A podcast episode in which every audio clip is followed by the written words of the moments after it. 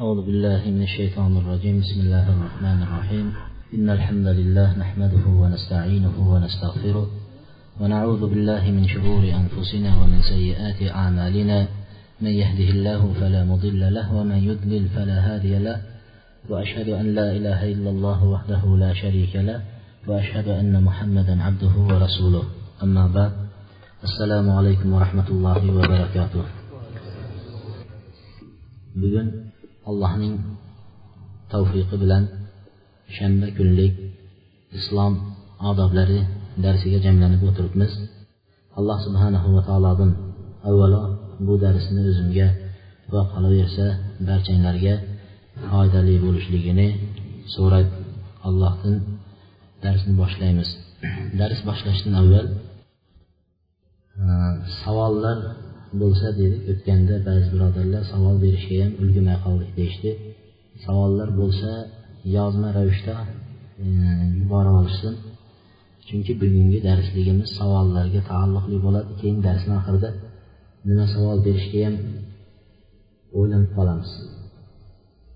Birinchisi shu. Ikkinchi aytmoqchi bo'lgan narsamiz e, mashina bilan kelayotgan birodarlardan iltimos masjiddan yo'l tor bo'lganligi yo bo'lmasa shu masjidni oldiga nima qo'ymasdan mashinani nariroq beriroqqa mashinani qo'yib kelsanglar yaxshi bo'lardi bugun biz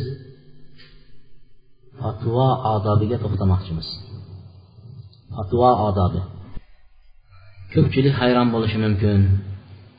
Nima uchun fatvo odobini bizlar muftimizmi fatvo beradigan kerak bo'lsa borib so'rab olamiz o'qimishliklar ko'p ilmliklar ko'p fatvo odobi nimaga kerak deb ko'pchilik hayron bo'ladi lekin bu fatvo odobiga iloji boricha avvalroq to'xtasak bo'lar ekan deb o'ylanib qoldim iloji bo'lsa har kishining zehnida mana shu dars hayolidan ketmay turishligi kerak bo'ladi bunga to'xtashimizdan sabab ikki narsa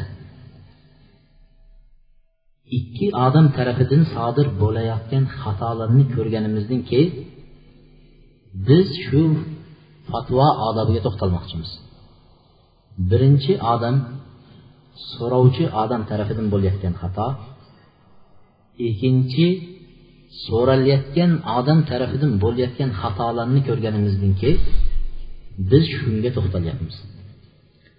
So'rovchi fatvo so'rayotgan savol so'rayotgan odam tarafidan sodir bo'layotgan xatolar ellik protsent desak xato qilmaymiz. Biroq undan ko'proq odam bizga berayotgan savolini alloh taolo bizni ya'ni adashtirmagan bo'lsa bilib turamiz ya bir o'ninchi shaxs bo'lamiz ya undan ortiqroq bo'lsa kerak. Bir savolni o'n odamning hammasiga berib chiqadi. Savol berayotgan odamni bo'layotgan xato shu. Nima uchun siz savol berishdan oldin o'ylanish kerak? Shu savolimga qaysi odam javob bersa shuni bergan javobini men shubhalanmasdan ikkilanmasdan o'ylanmasdan qabul qilaman. Shu berayotgan odam javob berayotgan odam ilmlik odammi ilmsiz odammi? Shuni avval o'ylab olib undan keyin kelib savolni berib savolingizga olgan javobingizga nima uchun amal qilmaysiz? Aylanib kelib bir domladan so'raysiz. Bu domlanikini ikkinchi domlaga olib borasiz. Ikkinchi domlani uchinchi domlaga olib kelasiz. Falon domla bunday deb javob bergan edi. Sizniki sal bunday bo'lyapti deysiz. Ikki domlani urushtirib qo'yasiz. Mana shu xatoni ko'rganimizdan keyin biz shu darslikka to'xtamoqchimiz. Ikkinchi odam tarafidan bo'layotgan xato javob berayotgan odam tarafidan. Javob berayotgan odam tarafidan bo'layotgan xato. Birov bir savol bersa bir majlisda hamma bilimdon hamma darrov javob bera boshlaydi. Savol berilgan odam qolib ketadi. Men buni yana qaytaraman. Bir kuni bir majlisda yigirma kishining huzurida o'tirgan edik. Bir odam savol berdi savol berdida men shu masalani qayerda kelganligi qaysi kitobda kelganligi va uni dalillarini o'ylanib tursam odamlar bir chetdan javob beraverdi. Yigirma odam hammasi javob berib bo'ldi. Javob berib bo'lib oxirida aytadi domla o'ylanib o'tiraverasizmi? deydi bu hamma javob beradi degan emas nimaga javob berayotgan odam allohdan qo'rqmaydi? U din masalasini aytyapti shariatni aytyapti alloh halol harom degan narsani gapiryapti u bo'ladi bo'lmaydi degan gap alloh halol qildi joiz olloh ruxsat berdi degan gap. Bo'lmaydi degani olloh buni man qildi harom qildi. Shariatimizda joiz emas degan gap. Nimaga bu? Bizni og'zimizdan o'ylanmay turib otilib otilgan o'qdek chiqib ketaveradi. Bo'ladi bo'lmaydi falon narsa bo'ladi desa bo'ladi bo'ladi. Falon narsa desa bo'lmaydi. Deydi dalilichi qayerda o'qigansan? Qaysi kitobda? Bu so'ralayotgan odamga taalluqli bu xato imom ahmad rahimaullohdan men buni ko'p qaytarganman imom ahmad rahmatulloh alayhidan so'rashganda yuz ming hadisni bilgan odam yuz ming hadisni yoddan bilgan odam. Fatvo beradimi deganda imom ahmad o'rnidan irg'ib turib ketgan ekan. Yuz ming bilgan odam qanday ahmoq u degan fatvo beradigan degan. Haligi kishi ikki yuz ming hadisni yoddan bilsa fatvo beradimi degan. İkki yuz ming hadisni bilib olib nimani aytadi o'zi? Men hech aqlim yetmayapti degan. Yuz mingni yoddan bilgan odam nimani gapiradi? Men deydi hech aqlim yetmayapti. Uch yuz ming hadisni yoddan bilgan odam fatvo aytadimi dedi degan vaqtida imom ahmad deydi qo'lini o'ngga chapga tashlab turib endi qo'ymadinglar qo'ymadinglar deymizu juda hech qo'ymaydigan odam ekansiz deganday qilib turib aytdiki mayli agar undan ortiq biladigani bo'lmasa shart shu. Undan ortiq biladigani bo'lmasa mayli fatvo bersin uch yuz ming bilgandek o'zimizga savol beraylik. Nechi hadisni yoqqan bilamiz حدثنا فلان عن فلان عن فلان قال النبي صلى الله عليه وسلم payg'ambar alayhissalom mana shunday deydi deb turib o'nta hadisni ketinma ketin aytib bera bilamizmi o'nta hadis o'nta hadisni aytib berolmaymiz lekin savol berilgan vaqtida birinchi bo'lib javob berishga harakat qilamiz nima uchun shu savolni o'tgan bizdan avvalgi olimlarimizning manhaji yo'li imom sahobalarniki tobeinlarniki agar bir savol so'ralsa shu savolga o'zimiz emas birodari shu savolga javob berishini yaxshi ko'rardi shuni mandan so'ramang. Falon alloma bor shundan so'ray qolingchi deydi. Mandan so'ramang shuni deydi. Nimaga qiyomatda javob beraman deydida. Bizda bir savol berilsa kim aytdi shuni deymiz. Men uni deymiz olib keling meni oldima mana men uni yechaman tortishaman tortishaveradimi yo'qmi deymiz javob beryapmiz birinchi bo'lib bizlar nima qilishga harakat qilamiz javob berishga harakat qilib qolamiz shuning uchun allohdan qo'rqishlik kerak imom molik rahmatullohi alayhi aytadiki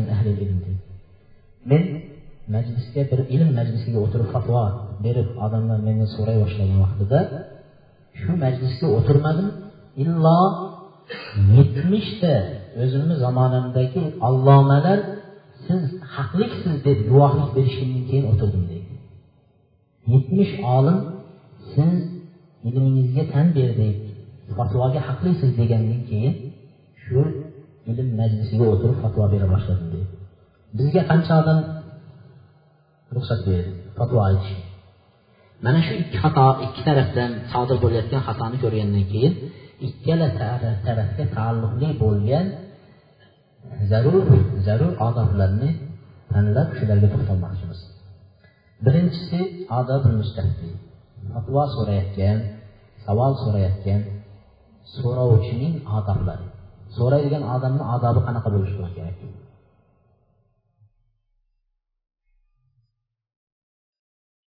birinchi so'rayotgan odamning odobining birinchisi niyati durust bo'lishi. To'g'ri niyat solih niyatda savol so'rash. Biz so'rayotgan savol so'rovchini bir necha maqsadni ko'zda tutilgan bo'lishi mumkin. So'rayotgan odam bir necha maqsadda savol so'raydi. Shularga to'xtalib o'tamiz.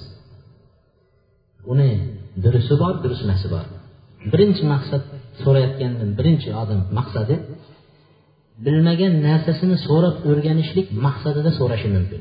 Birinchisi o'zi hech narsa bilmaydi yo bir masalani bilmayapti shu masalani haqiqatdan so'rab o'rganmoqchi. Shu maqsadda so'rayotgan odam. Bu odamlar haqiqiy tolibi ilm allohni huzurida maqtalgan kishilarning biri bo'ladi. Payg'ambar alayhissalom aytdiki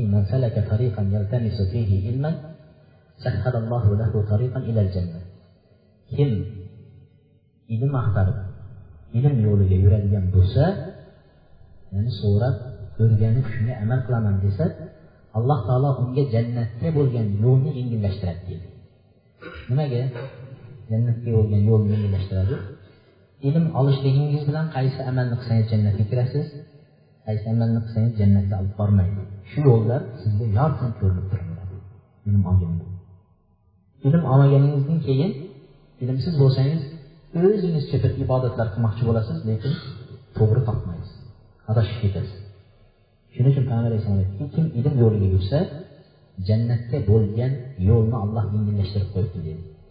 O'sha ilm maqsadida so'rayotgan so'rovchi odam o'rganish maqsadida so'rayotgan odamni niyati durust demak bu odam payg'ambar alayhisalotu vassalomning zamonasida sahobalar shu maqsadda so'rashardi mana bu juda ko'p misollar kelgan bittasini aytamiz sufyon ibn abdulloh roziyallohu anhu aytganlar men payg'ambar alayhissalotu vassalomga aytdim deydi قلت يا رسول الله قل لي في الإسلام قولا لا أسأل عنه أحدا بعدك islomda menga bir gap o'rgating bir so'z bir amal o'rgating.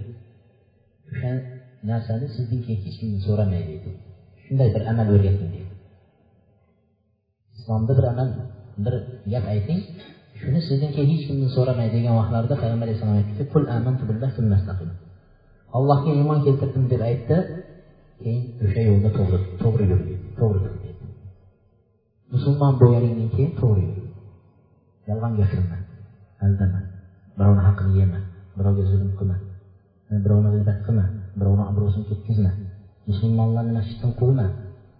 To'g'ri tur istiqomatda bo'l bitta kalima o'rgatib qo'ya qoldi. Shu sahoba shu amal o'rgangan gapiga amal qildi. Bizdachi bizda keladida so'raydida shundaymi deydida ketadi. Shuncha jon kuydirib kitob qarab dalillar olib kelib aytib bergan gapingiz bir yerda qolib ketaveradi ikkinchi so'rovchining savoldan maqsadi savol berishdan maqsadi ba'zida o'zingiz bilishingiz mumkin shu so'rayotgan narsangizni o'zingiz bilishingiz mumkin lekin atrofdagi odamlar bilmasi mumkin shularga o'rgatish maqsadida savol berishingiz mumkin misol o'tiribsiz bir majlisda aytdingizki domla falon masala qanaqa bo'ladi deysiz. Shu masalani aytsa shu yerdagi odamlar nima qiladi? Shuni eshitib foydalanishadi. Foydalanadi buni ham maqsadi durust maqsad. Savol berishdan maqsad o'zi biladi bilgan narsasini savol beryapti lekin maqtalanadigan maqsad. Odamlarga manfaat yetkazish maqsadida aytilyapti. Bu yerda odamlarni bilmasligi uchun haqoratlashlik yo domlani imtihon qilib ko'rish emas din maqsadi bo'lgan. Bunga dalil payg'ambar sollallohu alayhi vasallamdan e, umar ibn hattob roziyallohu anhu rivoyat qilgan hadisda biz bir kuni payg'ambar alayhissalomning huzurida o'tirgan edik bir oppoq kiyimli qop qora sochli kishi kirib keldi huzurimizga degan. Shunda bizdan hech kim u kishini tanimasdi.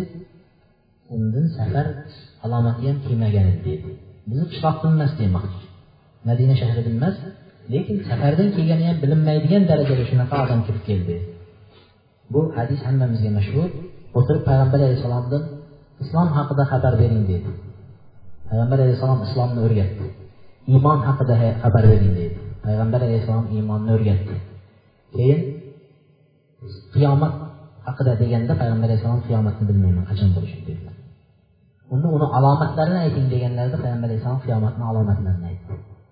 Shundan keyin haligi odam turib chiqib ketdi majlisdan.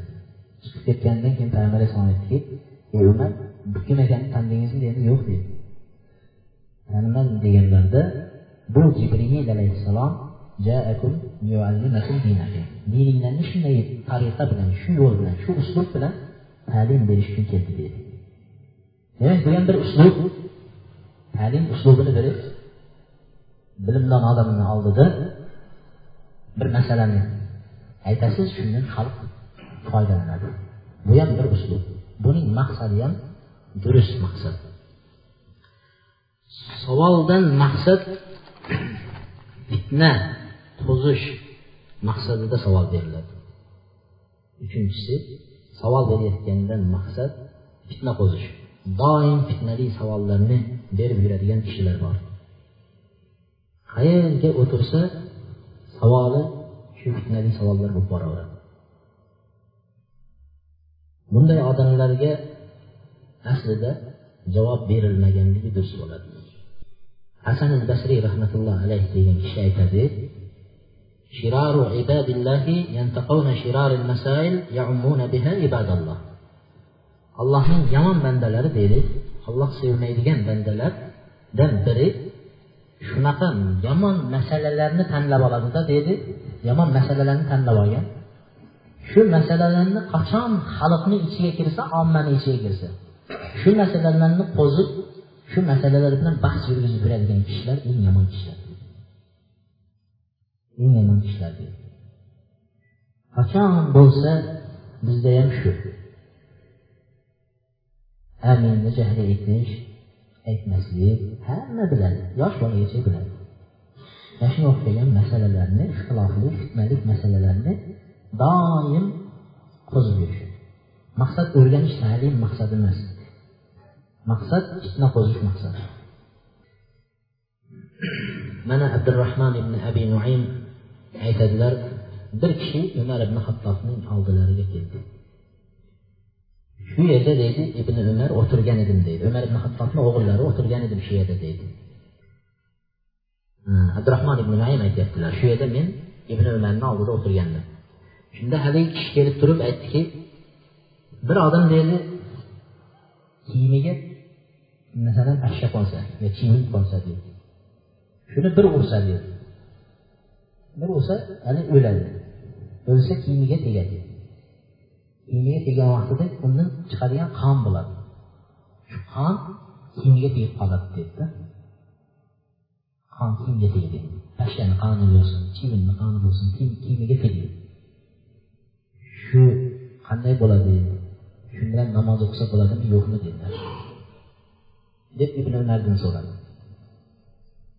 Shu vaqtda shu masala fitnalik masala bo'lgan ekanda. Chivinni ham tegsa nima bo'ladi namoz o'qisa bo'ladimi yo'qmi degan savol. Har ikki masjidga borsangiz shu so'raladigan savol bo'lgan ekan. Undan ibn umar bunday qaradida aytdiki men aynan birodar qayerdansiz? dedi. Deganida men iroqdanman dedi. Iroqdan iroqda xabarimiz bor payg'ambar alayhissalotu vassalomning nevaralari hasan va husayn degan nevaralarini iroqda o'ldirishgan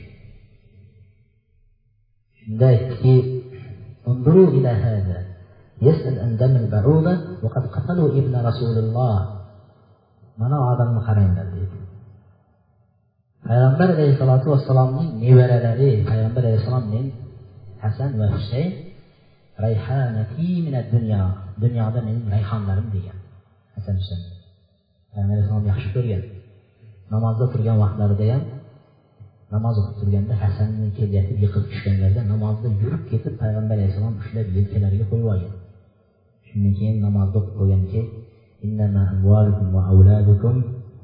fitna molingda farzandingda fitna deb alloh taolo bekor aytmabdi dedi. Har bir mol bola insonga bir nima namozda ham olib qochadigan narsa shunchalik yaxshi ko'rgan edi hasan husan shuni iroqdagilar o'ldirishgan edi shuni aytdiki qaranglar. Hasan husanni o'ldirib qoni nima bo'ladi? Harommi halolmi deb so'ramasdan pashshani qonini so'rayapti dedi. Pashshani qonini so'rayapti dedi. Fitna savollarda shunga o'xshab bizlardagilar ham namoz uyida namoz o'qimaydi bolasi. Besh o'g'li bo'lsa beshalasi o'qimaydi. O'n farzandi bo'lsa qizi bo'lsin o'g'li bo'lsin kimni bo'lsin namoz o'qimaydi biroq masjidga kelib oladida nonda deydi qo'lini ko'kragiga qo'yib o'qidi namozi nima bo'ldi deb so'raydi. Yoki amin deb yubordi namozi nima bo'ladi deb so'raydi. Fitnali savollar. Savoldan to'rtinchisi savoldan maqsad olimni bir olimni yo bir domlani deb aytsak tushunarli bo'ladi. Domlani imtihon qilib ko'rish. Uni xatosini topib sharmanda qilish maqsadida ham savollar beriladi to'rtinchi berayotgan maqsad shunaqa maqsadda berilayotgan savollar shuning uchun men boya aytib oldim savollarimni berolmay keyin oxirida uyalib savol bermay qo'ymanman dedimda قال ابن حزم degan kishi aytyapti إذا حضرت مجلس علم فلا يكن حضورك إلا حضور مستفيد مستزيد علما وأجرا agar degan shu kishi olim kishi bir darsga keladigan bo'lsangiz bir majlisda o'tirsangiz bir savol so'ramoqchi bo'lsangiz shunga kelishdim maqsadingiz darsga qatnashishdan maqsadingiz majlisga qatnashishdan maqsadingiz yoki bir majlisda savol so'rashdan maqsadingiz bilmagan narsangizni o'zingizni ilm xazinangizga ko'paytirish uchun so'rash bo'lishi kerak. Shu bir narsa bilmayman shuni so'raychi. Qanaqa bo'lar ekan shu masala? shuni o'rganib shuni dalilini yozib olsam yodlab olaman deb maqsad to'g'ri sahih haqiqiy ixlos bilan so'rash kerak shunda siz ilm ziyoda qilasiz o'rganasiz ajringiz ham ziyoda bo'ladi shu maqsadda kelsangiz لا حضور مستغن بما عندك طالبا أثرة تشنعها أو غريبة تشيعها ilmga kelishdan maqsadingiz savol berishdan maqsadingiz o'zim bilaman o'zi uni bilaman u masalani. Deb o'zingizdagi oldingizdagi bilganingiz bilan faxrlanish emas deydida shu masalani berib qo'yib bu masalalarni biz eshitganmiz biz. Bu masalani biz mana kitobda ko'rganmiz biz. Deyish maqsadda kelmagan ilmga deydi. Shuning uchun ulamolar aytishgan ekan. Mendan kelib menga kelib bir odam bir hadisni aytadi. Payg'ambar alayhissalomning shunday yangi hadis eshitdim qarang mana hadisni deb deydi. Menga yangi bir hadisni aytadi rivoyat qilib deydi. Vaholanki u tug'ilmasdan avval men shu hadisni yodlaganman deydi. Lekin men shundan xuddi birinchi marta eshitayotganda quloq tutib turaman deydi. Odobda odob. Birinchi marta eshitayotganday quloq tutib turaman deydi. Bizda bir odamga agar bir masala bo'ladigan bo'lsa va bu masalani men qachondan yodlab qo'yganman bu ilmni men bilaman deb darrov haligi odam bilan tortishishga qo'l shimarib ketib qolamiz. Sen majlisga keladigan bo'lsang debdilar o'zingni oldingdagi narsa bilan kifoyalanadigan bo'lma. Bir narsani qo'shib ket ilmdan so'raydigan bo'lsang birovdan bir narsani o'rganib shundan bir narsa bilmaydigan narsangni orttirib olish uchun so'ragin degan uni xatosini axtarish uchun so'ramagin degan xatosini nima deydi ekan mana masalada. Kecha men falon domladan so'raganman endi bu nima deydi ekan deb shuni xatosini axtarish uchun odamlar oldida sharmanda qilishlik uchun so'ramagin. Bu razil kishilarning fe'lidir. Bular hech qachon ilmda najot topmaydi. Deydi eng razil kishilarning fe'li ular hech qachon ilmda najot topmaydigan odamlarni fe'li shunaqa bo'ladi محمد بن سيرين رحمة الله عليه aytadi كنا نحدث أن أكثر الناس خطايا أفرغهم لذكر خطايا الناس biz zamonamizda deydi muhammad ibn sirin rahmatullohi alayhi aytadi biz zamonamizda eng xatosi ko'p odam deb eng xato ko'p qiladigan odam odamlarning xatosini izlab shularning xatolarini rivoyat qilib yuradigan kishilar shular adashgan eng xatosi ko'p odamlar deb aytadi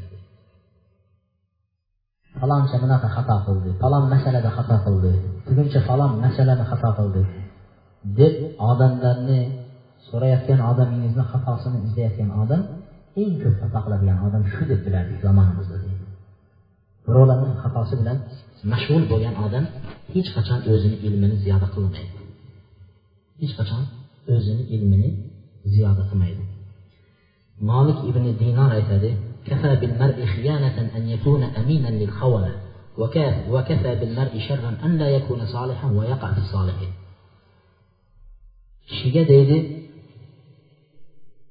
xiyonat jihatidan kifoya qiladi deydi xiyonatkor ekanligiga kifoya qiladi xiyonatchilarga xiyonatchilarning ishonchiga kirib qolishligini o'zi deydi xiyonatchilarning ishonchiga kirib ishonchini oqlagan odam o'zi xiyonatchi deb aytilsa bo'laveradi degan va o'zi solih bo'lmay turib o'zi solih bo'lmay turib solihlar haqida gapirayotgan odamga yomonlik jihatidan kifoya qiladi degan ekan.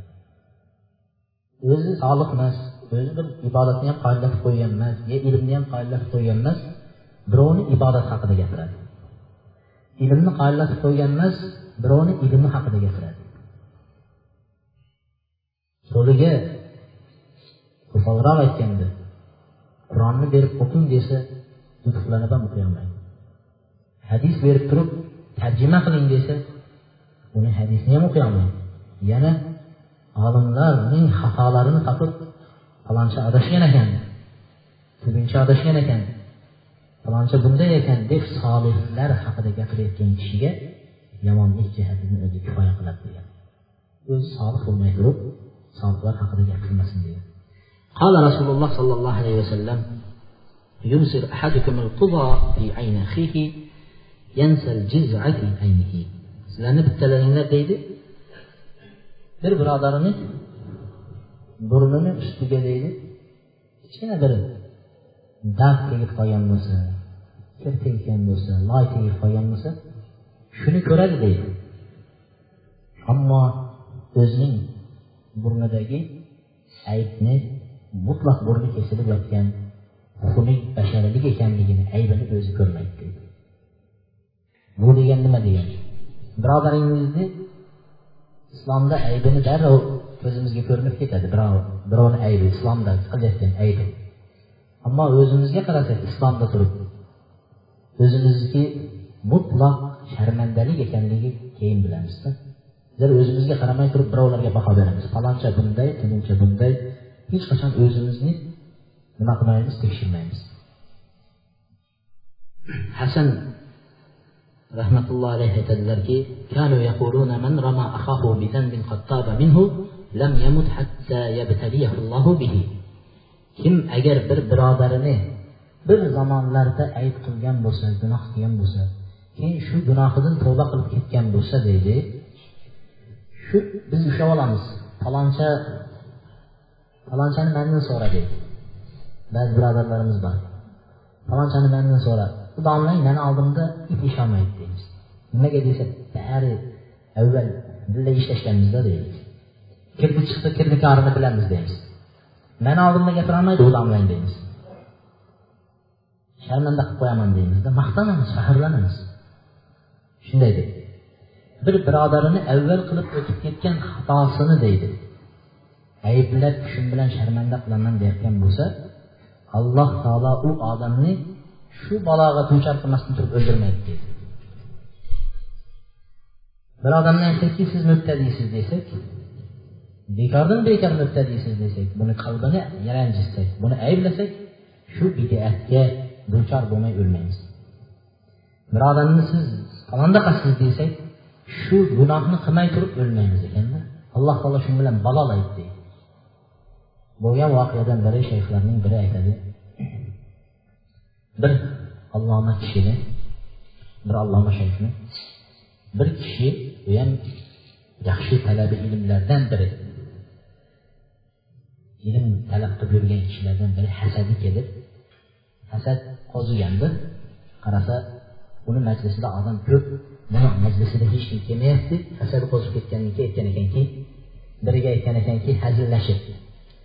Qada kelyapsiz desa falon shayxni darsdan kelyapman desa ye shunga ham borasizmi debdi ha desa ha u livot u livot qiladi deb bilasizlar livotni erkak bilan erkakni bo'lishligi livot qiladi deb hazillashganda bir qo'pol hazillardan biri shayx haqida bir olimni darsi haqida gapirgan edi keyin aytadiki allohga qasamki deydi. Bizga jomiyada dars bergan mudarrislar o'zi aytyapti allohga qasamki shu odamni alloh taolo shu baloga giribtor qilib katta katta odamlar bir kichkina bolani shunday qilib turganda ushlab olishdi deydi alloh taolo shu gunohga ibtilo qiladi. Bir odamni bekordan bekor shunday ayblaydigan bo'lsa dedi alloh shu gunoh bilan uni ibtilo qilmay turib jonini olmaydi dedi. İbn sirin rahmatullohi alayhi biz bu kishini bilamiz tobinlardan tobinlardan anas ibn molik rahmatullohi alayh roziyallohu anhu oxirgi vafot etgan sahobalarni biri. Shunda anas ibn molik vasiyat qilgan ekanlar. Meni jasadimni degan ekanlar ibn sirin bo'lsin degan. Sahobalar yaxshi odamlarni tanlashadi. Durustmi janozasiga boshqaga taqvodor yaxshi odamlarni tanlaydi anas ibn molik sahobiy payg'ambar alayhissalomni uylarida to'qqiz yil o'n yil yotib billa yotib billa turib xizmat qilgan payg'ambar alayhissalom o'n yil xizmat qilish degani mahallakam gap emas shu anas ibn molik o'layotgan vaqtlarida muhammad ibn sirin meni jasadimni yuvsin deb ketdilar vafot etdi. Muhammad ibn sirinni izlashsalar turmadi ekan qamoqda hibsda shu bilan shu joyning hokimiga qozisiga xat yo'llashdi. Hazrat sahobiy oxirgi sahobalarning biri dunyodan rihlat qilyapti. Vasiyatlari shunaqa biz shuni o'rnashimiz kerak. Shu kishini qamoqdan chiqarib bersanglar dedi. Ruxsat berishdi qamoqdan chiqib yuvib qaytib qamoqqa kirishdi. Shunda muhammad ibn sirin chiqdilar yuvdilar janozasini o'qidilar. Shunda odamlar so'rashdi siz shuncha alloma shuncha manzilatli odam ekansiz nimaga qamalib o'tiribsiz deganlarida men gunohim sababli o'tiribman dedi. Bu qirq yil avval qilgan gunohim sababli o'tiribman dedi. Qirq yil avval qanaqa gunoh qildingiz? deganlarida bir odam kelib oldimga kelgan vaqtlarida men g'azabim chiqib ya deysiz ey gado dedim deydi hali odamga jahl ustida ey gado deb so'kkan edim. Alloh taolo mana qirq yil o'tgandan keyin meni gado qilib qo'ydi. Meni gado qilib qo'ydi. Odamlardan qarz oldim boshqa qildim va qarzlarim ko'payib ketib oxiri qoziga shikoyat qilishdi. Qozi meni qamoqqa qamashdi. Deydi qirq yildan keyin birovni ayblagan aybi bilan alloh taolo ibtilo qildi. Gunoh bilan ibtilo qildi.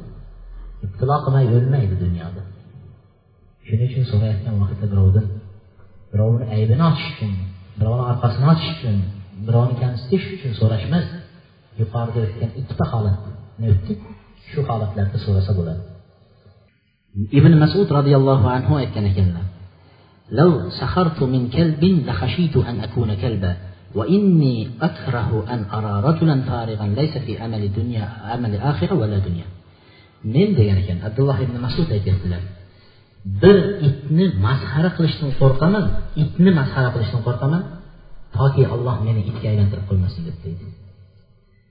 Odamlarni masxara qilayotganlarchi odamlarni bo'lardan bo'lmasga ayblayotganlarchi nahotki ular qo'rqishmaydi itni masxara qilishdan qo'rqaman alloh taolo meni itga aylantirib qo'yishdan qo'rqqanim uchun deydi.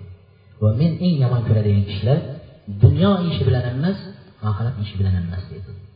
Odamlarni xatosini izlab yuraveradi oxiratga foydasi yo'q dunyosi uchun bir chaqa topmaydi. Birovni xatosini unga borib so'raydi bilasizmi? Faloncha qanaqa yil bu? Yaxshimi yomonmi? Manaviga kelib so'raydi shunday. Dunyo uchun ham foydasi yo'q oxirati uchun ham foydasi yo'q amal qilayotgan kishini yomon ko'raman dedi abdulloh ibn masud roziyallohu anhu beshinchisi savoldan maqsad. Savol berayotgan kishilarni bizlar maqsadlariga to'xtayapmizda endi. Beshinchisi qanaqa bo'ladi? Birov sharmanda qilishni aytdik. Endi tortishish uchun maqsad tortishish uchun savol beradi. Sekin jim o'tirilgan majlis bo'lsa bir odam bir savol chiqaradida shundan maqsadi tortishib o'zini kim ekanligini ko'rsatib qo'yish maqsad bo'ladi. مالك رحمه الله يتدلل إذا أتاك بعض أهل الأهواء يخاصمك يخاصمه فيقول إليك عني فإني قد أرحت ديني وما وأما أنت فشاك اذهب إلى شاك مثلي مثلي فخاصمه. مالك رحمه الله من قال الله أظن كذلك تقصد بر تارتشة كويسة بر مسألة بر تارتشة ديان ديان masalada siz bunday deb fatvo beribsiz. Shuni bir siz bilan o'tirsak der ekan. Desa molik rahmatulloh alayhi aytar ekanki menga yaqinlashmang der ekan. Men dinimni o'rganib bo'lganman der ekan. Parvardigorimga qanday ibodat qilishni o'zim bilaman. Siz shubhadagi odam ekansiz. Tortishsangiz demak bir masalada shubhangiz bor. Shuning uchun tortishasiz. O'zingizga o'xshagan shubhada yurgan odamlarga borib tortishavering der ekan. dinini o'rganganlarga kelib o'tirmang der ekan o'zingizga o'xshagan shu shak shubhada yurgan odamni huzuriga borib tortishavering der ekan انصرف مالك بن أنس يوما من المسجد فلحقه رجل يقال له أبو الجويرة bir kuni malik ibn anas rahmatulloh alayh masjiddan chiqib kelyapsa endi masjiddan chiqib ketyapsa yo'lda bir kishi yo'liqdi. Uni abu juvayriya deb aytilardi. Abu juvayriya deydi. Abu juvayriya bu irjo aqidasida edi irjo aqidasi biz nima gunoh qilsak ham allohga ishonamiz allohga ishonishligimizni o'zi kifoya jannatga kirishga deydi. Allohga ishonib umidimiz bor jannatga kiramiz bo'ldi deydi. Mana shu aqida. Har qanday gunoh qilaveradi bizni aqidamizda jannatga kirish uchun yaxshi amal qilish kerak durustmi amal qilsang shu jannatga kirasan deymiz ularni nimasida yo'q allohdan umiding bo'lsa bo'ldi qanday gunohmi savobmi qilaver deydi irjo aqidasidagi bir kishi kelib aytdiki ya aba abdulloh isma minni shay'an ukallimuka fihi wa ahajjuk bir og'iz men bilan eshitib ko'rsa dedilar hech imom molik eshitmas ekanda yalinyapti bir eshitib ko'r mendan deydi agar eshitsang vallohu alam sen bilan tortisha bilsam kerak u deydi tortishgisi kelib ketyaptida tavba jim yursang ham qo'ymaydi hozir ham shunday jim yursang ham qo'yishmaydi kelib tortishgisi keladiganlar ko'p bir tortishsam deydida shu bilan aytdilarki imom molik aytdi dedi. E taqsir agar tortishib meni yengib qo'ysangiz qanday bo'ladi dedi tortishib meni yengib qo'ysangiz dedi qanday bo'ladi deganida agar man seni yengsam manga ergashasan dedi.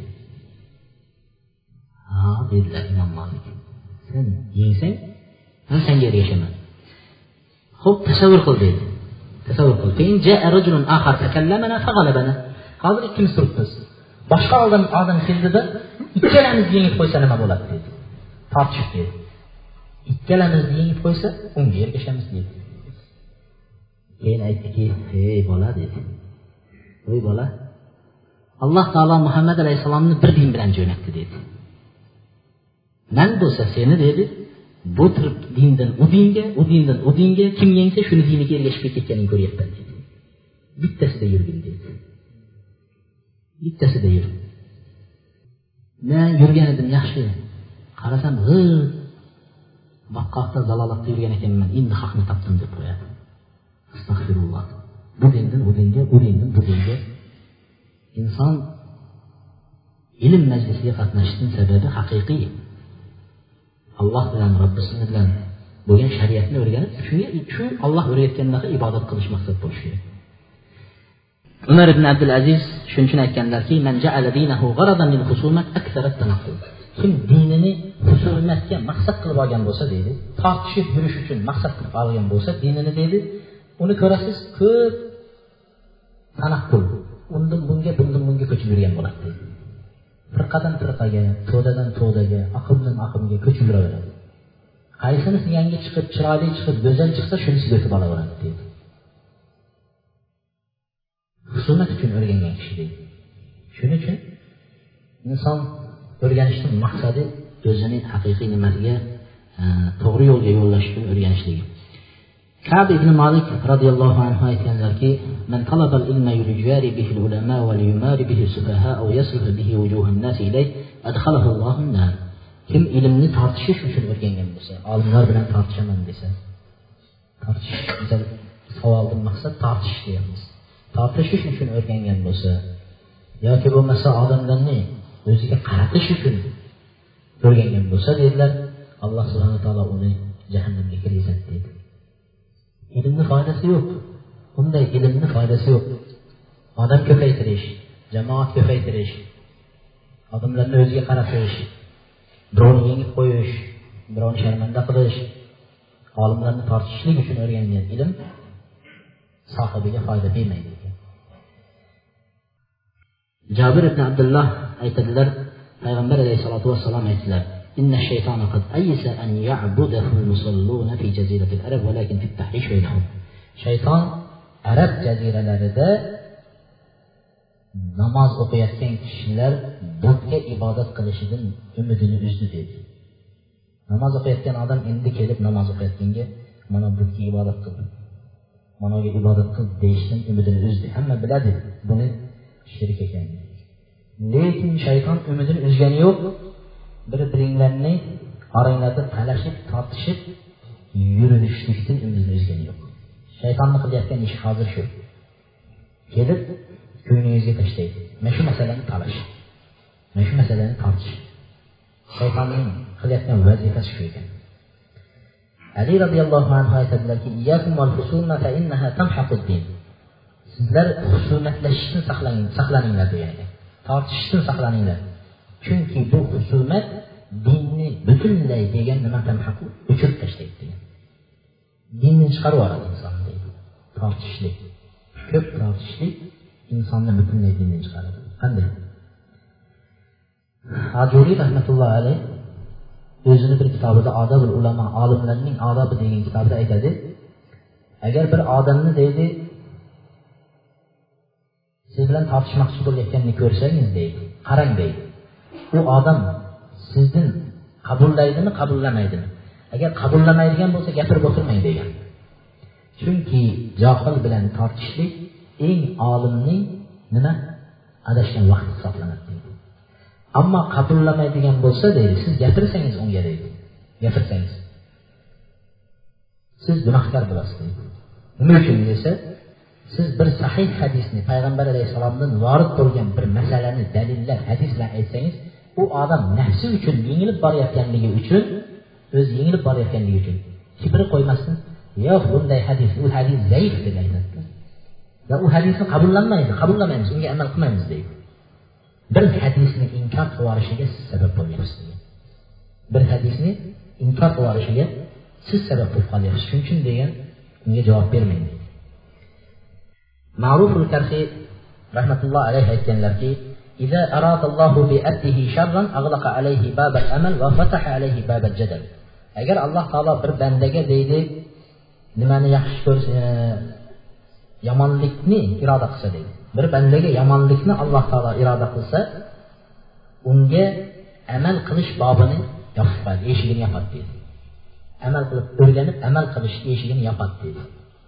Va unga tortishib yurish eshigini ochib qo'yadi. Ko'p tortishayotgan odamlarni qaraydigan bo'lsangiz judayam kam amal qiladigan odamlar bo'ladi. Ko'p tortishayotgan odamlar judayam kam qiladi amal qiladigan odamlar bo'ladi. Xosatan shular keyin nima qilishadi? Tortishadi. Yillab masjidni ko'rmaydigan odamlar ramazon oyida paydo bo'lib qoladi. Qayerdan kelganini ham hayron bo'lasiz. Masjidda shu ramazon oyida bir oyga paydo bo'lib turib yana shular tortishadiganlar bo'ladi. Yillab kelmaydi alloh taolo kimga yomonlikni iroda qilsa amal eshigini yopadi tortishish eshigini ochib qo'yadi allohu alam bu. Biz beshta niyatni aytdik ulardan ikkitasi durust maqsad bilan so'ralayotgan savollar uchtasi nojo'ya so'ralayotgan so'rovchining savollari. İkkinchi odobi so'rovchining ikkinchi odobi savol so'rayotgan odamni gapiryapmiz savol so'rayotgan mustaftiy deydi buni. Shu savol so'rayotgan odamning ikkinchi odobi foydasi yo'q savollarni so'ramaslik. Foydasi yo'q savollarni. Bizlar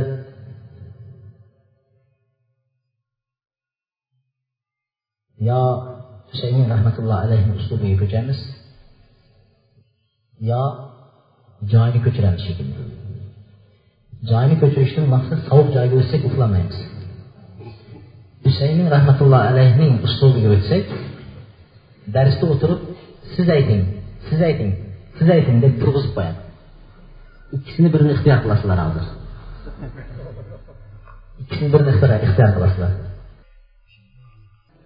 Foydasi bo'lmagan savol so'rash degan durust emas misoli qanday?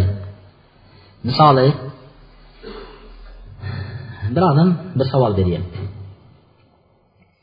kahf surasini o'qiymiz mayli o'sha usayminni uslubiga o'tamiz qachon o'qiymiz juma kuni o'qilinadi kahf surasi kahf surasida nima haqida kelgan ko'proq asobi kahf kahf deyapti demak g'ar deganda g'ar g'arni ichida kim bor edi odamlar bor edi shular bilan birga bir it bor edi demak hamma bilar ekan foydasi yo'q savollardan biri. Shu itni rangi qanaqa edi deydi ey azizlar nima qilasan itni rangini bilib bizlar odamni rangini bilmaymiz san itni rangini so'rayapsan ye deydi durustmi qaramidi qizilmidi deydi astag'firulloh qora bo'lsa nima? Bir ibodat buziladimi qizil bo'lsa bir ibodatga aloqasi bormi buni? Mana shunaqa savol. Shunaqa savol berishadi o'tirib olib berdim. Shu savolni deydi necha yildan beri beraman deydi. Hech kim javob bermaydi deydi. O'lguningcha ham hech kim javob bermaydi unga sen o'lib ketasan lekin hech kim javob bermaydi unga.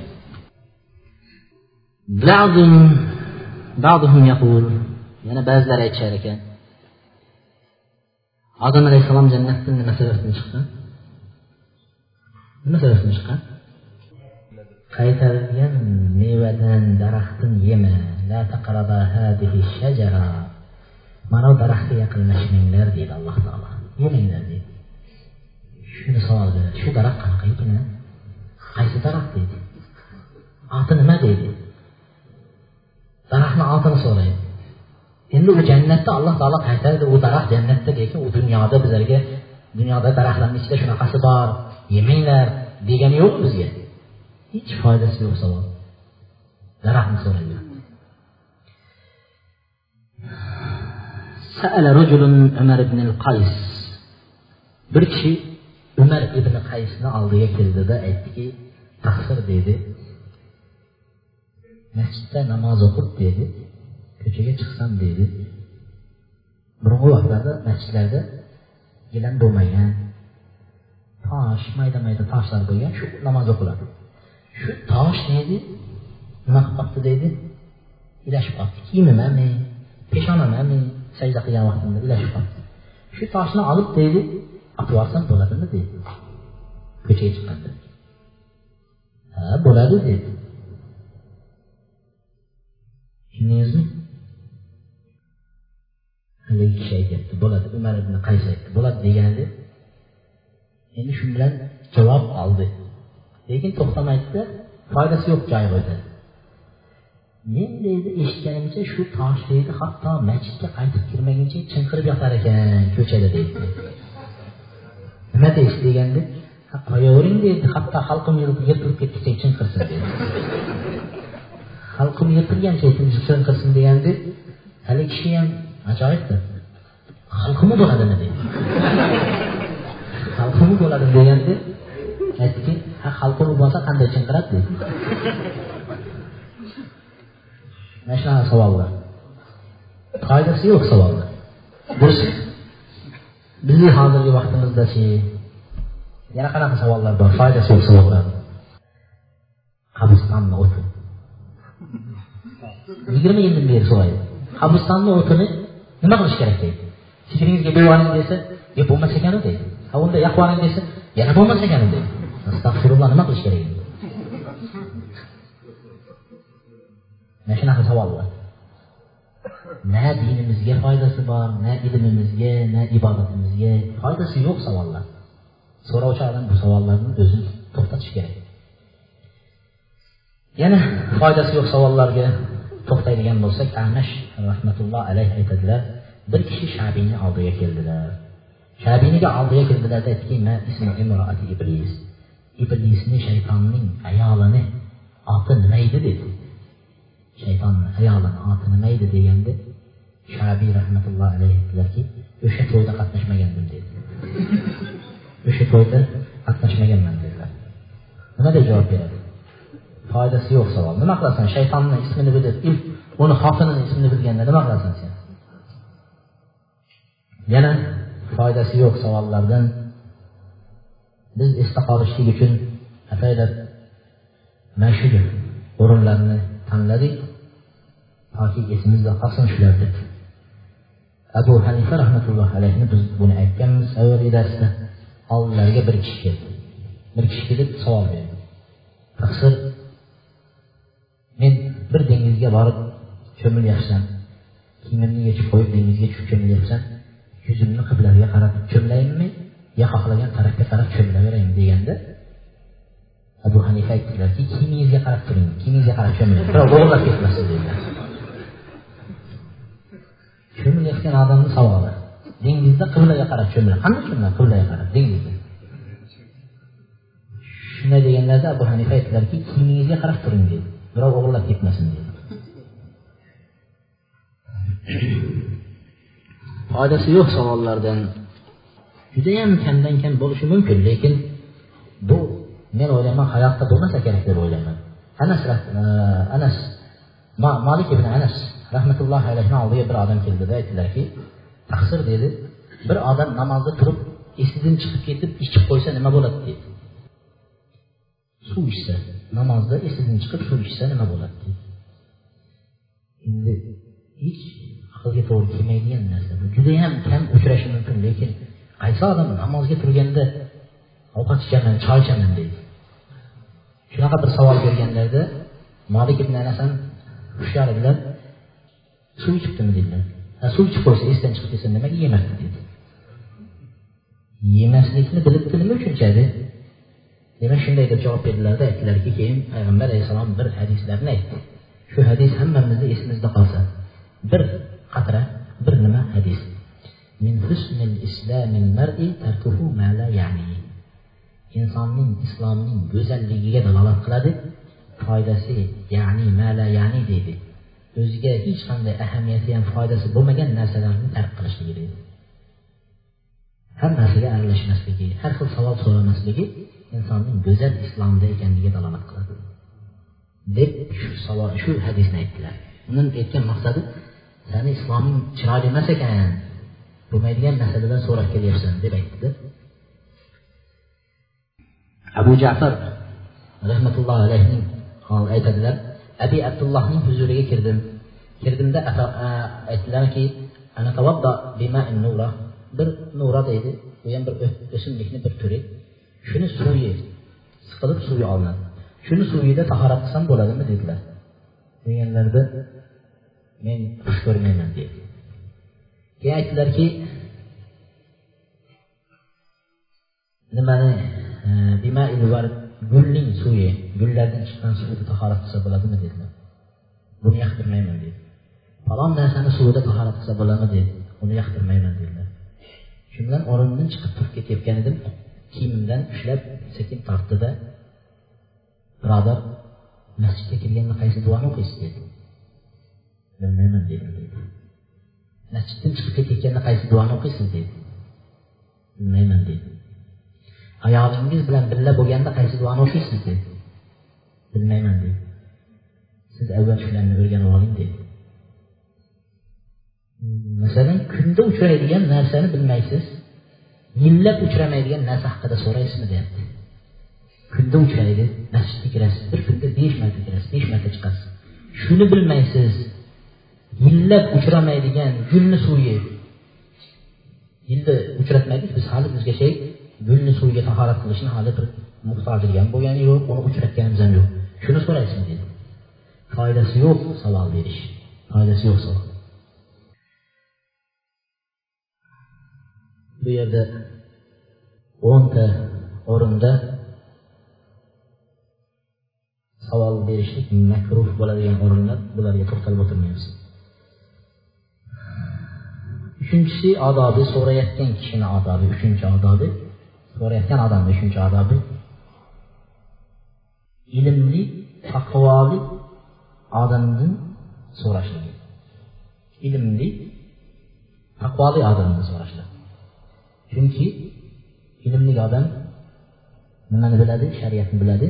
Taqvoli odam bilib turib xiyonat qilishdan qo'rqadi allohdan qo'rqadi ilmli bo'lishi mumkin taqvosiz bo'ladigan bo'lsa balo battarni hammasiga ruxsat beraveradi ilmi bor taqvosiz odamdan qo'rqish kerak. İlmi bor taqvosiz odam. Shuning uchun aytishdiki ilmli va taqvoli odamni allohdan qo'rqadigan odamni huzuriga borib so'rashlik. Mana ibn sirin rahmatullohi alayhi aytadi bu ilm dindir deydi so'rab o'rganayotgan masalalaringiz dindir. Siz shuni kimdan olayotgan kishingizga qarang deydi. Kimdan olyapsiz? Kimdan o'rganyapsiz? İlmli taqvoli odamdan o'rganyapsizmi? Yo'qmi shunisiga qaranglar deydi. Demak uchinchi odobi nima qilish kerak? Ahamiyat berishlik kerak shunga. To'rtinchi odobi. Adam sual amma lam yaqa. Hanuzgacha hali bo'lmagan masalalar haqida savol bermaslik. Hali bo'lmagan masalalar haqida savol bermaslik. Odam bo'lgan masalani so'rasa bo'ladi. Falon masala bo'ldi qanday bo'ladi shu deb so'rashi mumkin. Agar bunday bo'lsachi agar unday bo'lsa qanday bo'ladi? deb so'rashdan qaytargan. Ko'p ulamolar shunaqa hali sodir bo'lmagan masalani so'rashdan qaytargan.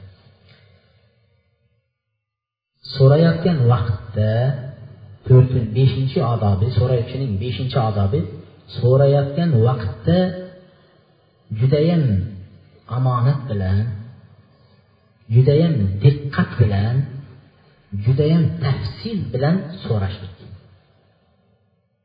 Omonat bilan diqqat bilan tafsil bilan so'rashlik.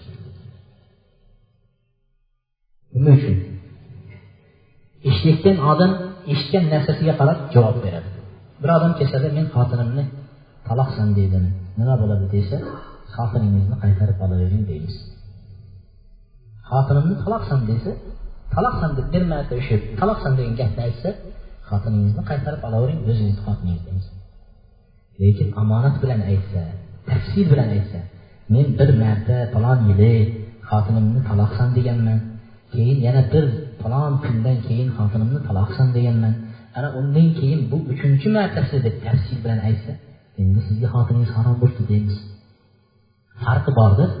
So'rayotgan odamda masalani so'rashni o'zida farqi bor.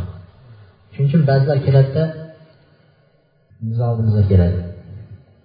Kelib turib men deydi mana shu bir masala bilan keldim desa bo'lmaydi desak aytadi yo'q abdurafiy jo'natuvdi. Mana shu bir dalillar aytdi. Deydi yo haydab deydi keyin telefonni chiqarib mayli bir og'iz abdurafiydan so'raychi desa yo'q yo'q qo'yavering qo'yavering deydi masalani uyoqdan so'ragan ruxsat bermagan. Endi bizga kelyapti ruxsat izlab chalkashtirib yarmini tashlab aytyapti. So'rayotgan odam. Mana shu xiyonat bo'ladi. Omonat yo'q savolda so'rovchi odamning beshinchi odobi tafsil bilan aytish. Savoli. Oltinchisi oltinchisi.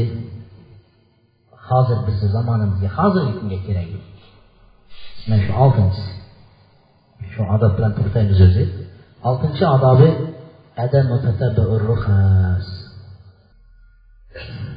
ruxsat izlab anov domlaga boruvdim. Manov domlaga bunisi yoqmasa anov biriga o'tib unisi yoqmasa manov biriga o'tib. Hammasini aylanib chiqmaslik kerak. Bitta odamdan so'rab shuni gapiga amal qilish kerak. Bitta odamga. Hammasini aylanib chiqmasligi kerak. Payg'ambar alayhissalotu vassalom aytdilarki sizlarni bittalaringlar to'liq mo'min bo'lmaydi hatto o'zining havoyi nafsi men olib kelgan narsaga ergashib yurmaguncha deydi havoyi nafsingiz payg'ambar alayhissalom olib kelgan narsaga ergashmagunchayin mo'min bo'lmaysiz. Sizni xohishingizga shariat ergashib yurish shart emas. Man xohlagandaqa bo'lishi kerak emas bir ish sodir bo'ldi shariatga xilof ish shariatga xilof desa yo'q shu shariat iloji bo'lsa bu kishini orqasidan yursa ana domlaga borsa bo'laveradi sizga desa mana domlaga kelsa durust desa shuni izlab topmagunchayin anosiga o'tadi manosiga o'tadi ruxsat izlab yurmaslik kerak so'rayotgan odam ruxsat izlab yurmaydigan kishi bo'lishi kerak alloh taolo bir oyat nozil qildi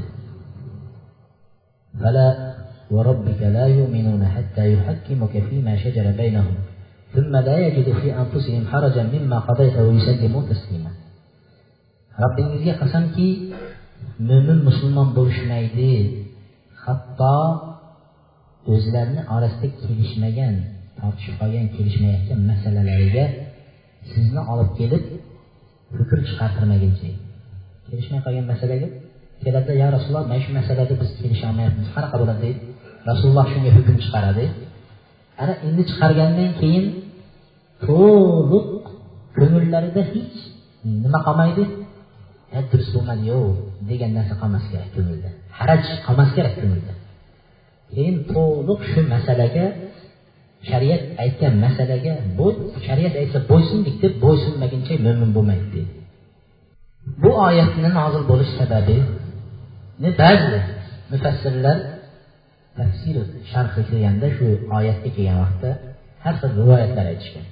Shulardan birida bir payg'ambar alayhissalomning zamonasida bir munofiq kishi bilan munofiq deyilishi o'zi xohlagandaqa masalani izlab yuraveradigan kishi bo'laveradi. Munofiq kishi bilan yahudiy kishi bir masalada tortishib qoldi. Bir narsada tortishib qoldi shunda haligi munofiq namoz o'qiydi. Musulmon lekin munofiq. Aytdiki payg'ambar alayhissalomni oldiga boramiz dedilar. Payg'ambar alayhissalom huzuriga kelamiz. Endi o'yladiki payg'ambar alayhissalomni oldiga kelsak meni ko'rgandan keyin sizlar meni haqqim menga nima qiladi deydida. Bizda ham shunday o'ylashadi. Namoz o'qiydigan bo'lsa namoz o'qimaydigan odam bilan talashib qolsa darrov oldimizga yetaklab keladi haligi sudrab mana namoz o'qimaydi deb boshlaydi. Haq talashgan vaqtda unisini aytmaydi. Unisi zikr qilinmay turadi haq aytilishi kerak qaysi narsa ekan? Shuni talashib qoldida payg'ambar alayhissalomni oldiga olib keldi. Payg'ambar alayhissalom eshitdida haq dedi yahudiy tarafda dedi. Siz nohaqsiz dedilar. Haligi musulmonga. Keyin ko'chaga chiqqandan keyin aytdiki payg'ambar alayhissalom sal shoshdiyu dedilar. Abu bakrga boraylik judayam muloyim kishi o'ylanib javob beradi. Abu bakrga boraylik dedilar. Abu bakr roziyallohu anhuni huzuriga keldi. Abu bakr roziyallohu anhuga qissani aytdi. Nima bo'lganini? Abu bakr aytdilarki haq yahudiyda dedilar. Siz nohaqsiz dedi. Payg'ambar alayhissalotu vassalom qanday hukm qilgan bo'lsalar abu bakr xuddi shunday hukm qildi degandan keyin ko'chaga chiqqandan keyin munofiqda mana domla yoqmagandan keyin mana domlaga borayotgan kishiga o'xshaydi. Aytdiki abu bakr juda muloyimda dedi. Ko'nglingni og'ritgisi kelmaydi dedi. Umarga boraylik umar dedi. Shu tezgina aytadi dedida biz endi haydarga boraylik deyishyapti ya yaxlit ya baxtli qiladi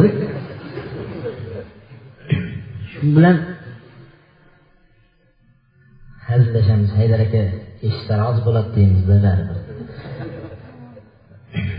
Shu bilan kimga kelishdik umar roziyallohu anhuni oldiga kelishdik umar roziyallohu anhu darrov hayron bo'ldi. Shuncha odam turib o'zidan ulug' odam turib buni huzuriga kelgan ekan. Shuning uchun bu yerda foyda chiqarishdan bir nimasi? Siz ilmsizmi? Sizni oldingizga kelsa qanday bo'ladi deb xursand bo'lib ketmang. Bizdan ham so'raydigan bor ekanu.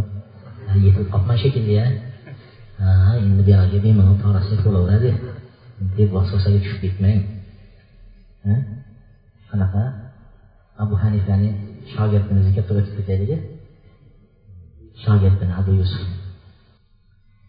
Keyin buni oyatni nimasini davom ettirib qo'yamiz ah, abu hanifa rahmatullohi alayh nima qilgan necha yillar davomida abu yusuf degan shogirdni tarbiyalagan chunki kichkina bola abu hanifani darsiga kelib qatnashib aytganni aytgandek yodlab olaveradi shunda bir kun keldi ikki kun uch kun to'rt kun besh kun keyin kelmay qo'ydi. Abu hanifa izlab chiqdilar. Haligi bolani uyini topdi uyiga keldi. Kelsa dadalari chiqdi. Abu yusuf sizni o'g'lingizmi ha yusuf meni o'g'lim. Ha. Darsga kelmay qo'ydi dedi dadalari aytdiki sizni darsingizda nima bor dedi. O'qib nima bo'lardi dedi. Meni bolam ishlayapti dedi. İshlasin dedi. Pul topsin dedi. Abu hanifa aytdilarki bir kuniga qancha topadi dedi. Bir kuniga bir dirham topadi dedilar mayli shu dirhamni men beray bolangiz meni darsimda o'tirsin dedilar. Himmatni qarang. Pul berib o'qit birovni bolasini bizlar o'zimizni bolamizni o'qitishga nima qilamiz o'zimiz boramiz shu bilan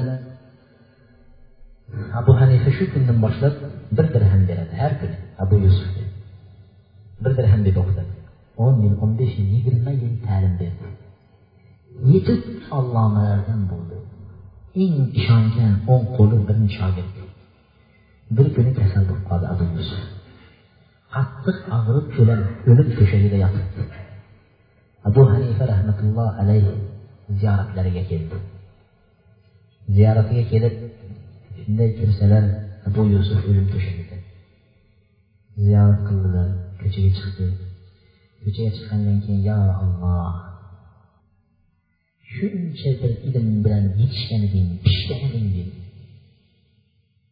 Mendan keyin mendan ham o'tib ketgan eding dedida mendan keyin faqat o'rnimga sen o'tiradigan odam eding dedi shunday kunga tayyorlagan edim allohning irodasi o'lim to'shagida yotibsan dedi. Yo alloh dedilarda abu hanifa ketdi bir haftadan keyin alloh shifo berib abu yusuf yaxshi bo'lib ketdi. Yaxshi bo'ldida darrov tahoratini qildi kiyimlarini kiydi kitobini qo'ltiqlab endi chiqib ketyapti. Uydagilar aytdiki ha dadasi qayerga ketyapsiz? dedi. Ha ustozimni oldiga abu hanifani oldiga dedi. Abu hanifa o'zi aytdi juda yetilganding pishgan eding mendan ham o'tib ketgan eding men o'rnimga o'tiradigan eding dedi. Nima qilasan shunaqa dedimi dedi. Ha shunaqa dedi. Hmm, hozir ko'raychi deb masjidga keldi abu hanifa shunday o'tiribdi abu yusuf kirganda shogirdlari ey keling keling deb yarimi turib abu yusuf bilan ko'rishdi abu yusuf to'g'ri masjidni ikkinchi burchagiga borib o'tirdi dars eta boshladi bir masjidda abu yusuf bir burchakda dars etyapti abu hanifa indamay dars o'tdi u ham dars o'tdi ertasiga ham bu yerda abu hanifa o'tyapti u yerda u o'tyapti uchinchi kuni abu hanifa aytdi bizni shahrimizga boshqa joydan olim keldimi dedi haligilar yo'q.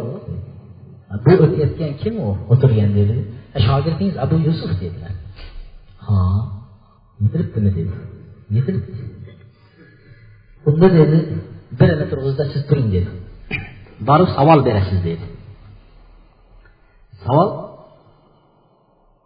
Bir odam ko'ylak tiktirish uchun tikuvchini oldiga mato bergan bo'lsa keyin ikki kundan keyin kelasiz degan bo'lsa tikuvchi ikki kundan keyin kelsa tikuvchi aytsa sizni men tanimayman. Qanaqa qachon bergansiz mato desa keyin militsiyalar shurkalar olib kelib titib shu yerni nima qilsa mato chiqsa haligi mato tikilgan.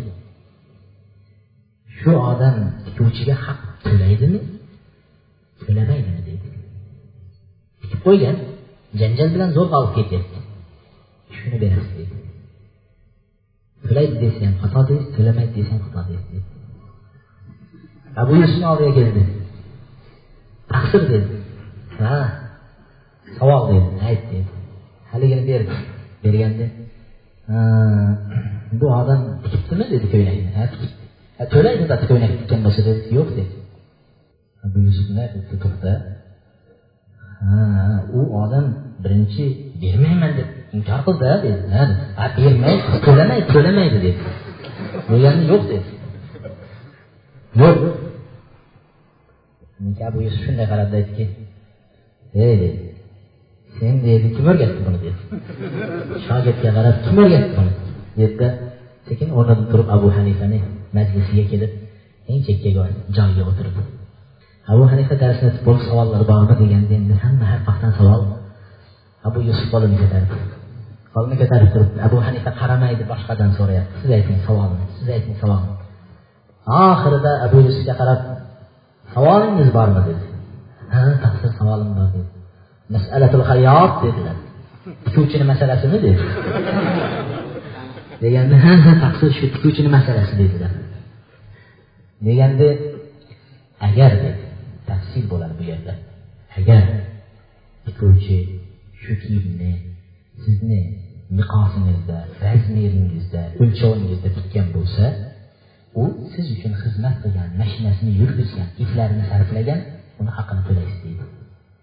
Niyati siz uchun xizmat qilgan. Agar inkor qilgan bo'lsa ham ammo kiyimni topdingiz razmeri o'lchovi sizni o'lchovingizda emas katta kichik o'lchovdan boshqacha bo'lib turgan bo'lsa haqni to'lamaysiz. Chunki u o'shangi mashinasini ishlatganda qo'lini ishlatganda vaqtini ishlatganda va o'shanga iplarni ishlatgan vaqtda siz uchun emas o'zini razmerida yo birov uchun tikkan bunga haq to'lamaysiz dedilar. Shundan boshlab abu yusuf abu hanifa o'zgacha qadamlarini tagida ilm talab qildi. Buni nima uchun aytdik? Oldingizga birov kelib qolsa. Bir masala so'rab kelsa yetishibmiz a bo'ldi haydarlar qoldi. Boravering bizga kelavering borib o'tirmang bu yoqqa debda xursand bo'lib ketmaylik umar ibn hattob shunday qilmadi hatto meni o'zimni oldimga kelgan odamga ham aytadiganim abdurofiyga bordingizmi deyman birov bo'lsa nima dedilar deyman o'zingizdan ahillik ilmlik fazillik dinga xizmat qilayotgan odamni hurmati boshqasi o'sha kishining nimalarini ham bilish kerak. Umar ibn hattob shuning uchun ha menga kelibsiz man qatiraman demadilar. Payg'ambarga bormadingizmi dedi abu bakrga bormadingizmi? Mendan afzal mendan ulug' kishilar turib menga keldingizmi dedi bu gapni hech kimga aytmadik hech birimiz aytmaymiz ham.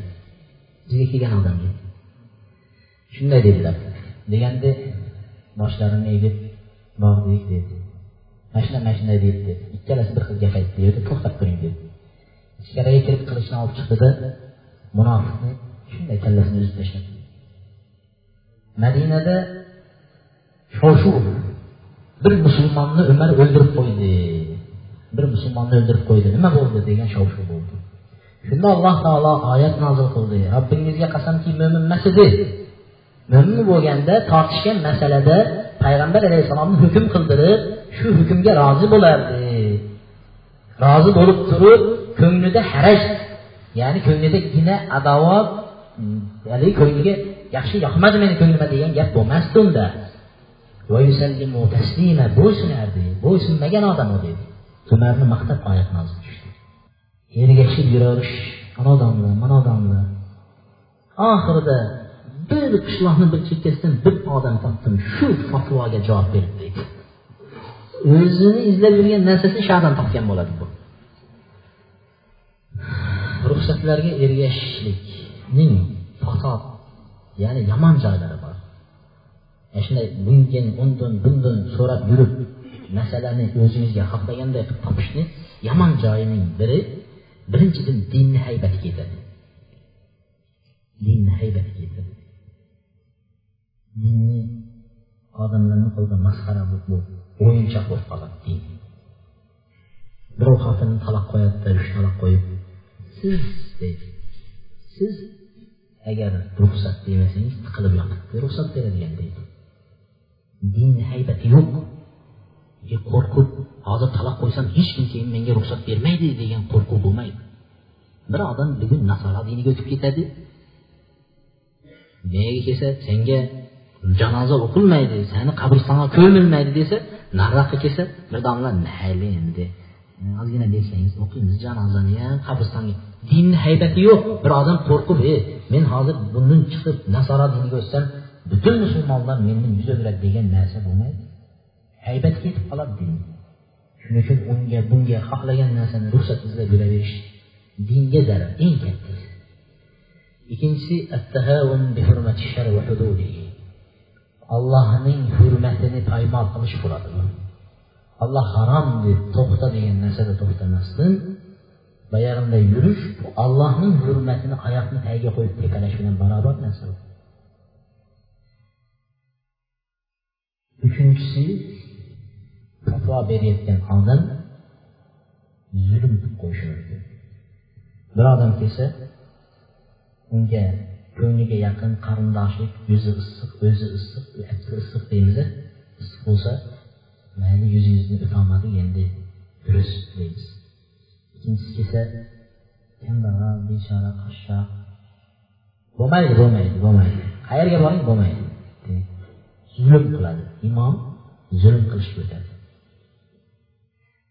ruxsatlarga ergashishlikning fasod joyi eng yomon joylari shu endi e, vaqtimiz cho'zilib ketayotgan bo'lsa ham sabr qilasizlar bizlar bir darsda bir odob o'tib uni ikkinchi darsga qoldirmaslik maqsad qilganmiz. Shu odobni tugatib olaylik deyapmizda. Chunki bir odobni bir darsda o'tib qolganini ikkinchi darsga o'tadigan bo'lsak orada bir haftada bir marta bo'layotganki avvalgi aytilgan gaplar esdan chiqib ketadi. Shuning uchun bir haftada tugatsak bir tema bir salloha bo'yicha bir ma'lumotga ega bo'lib chiqib ketadi odam shuning uchun bizlar shuni ixtiyor qilganmiz. To'liq yetkazolmasak ham qo'limizdan kelganicha yetkazishga harakat qilamiz. Endi shu olti odob o'zi yetarli eng muhimlarini biz tanladik. So'rayotgan odamning olti odobi. So'rovchining oltita odobi. So'ralayotgan odamga o'tamiz buni kim deydi?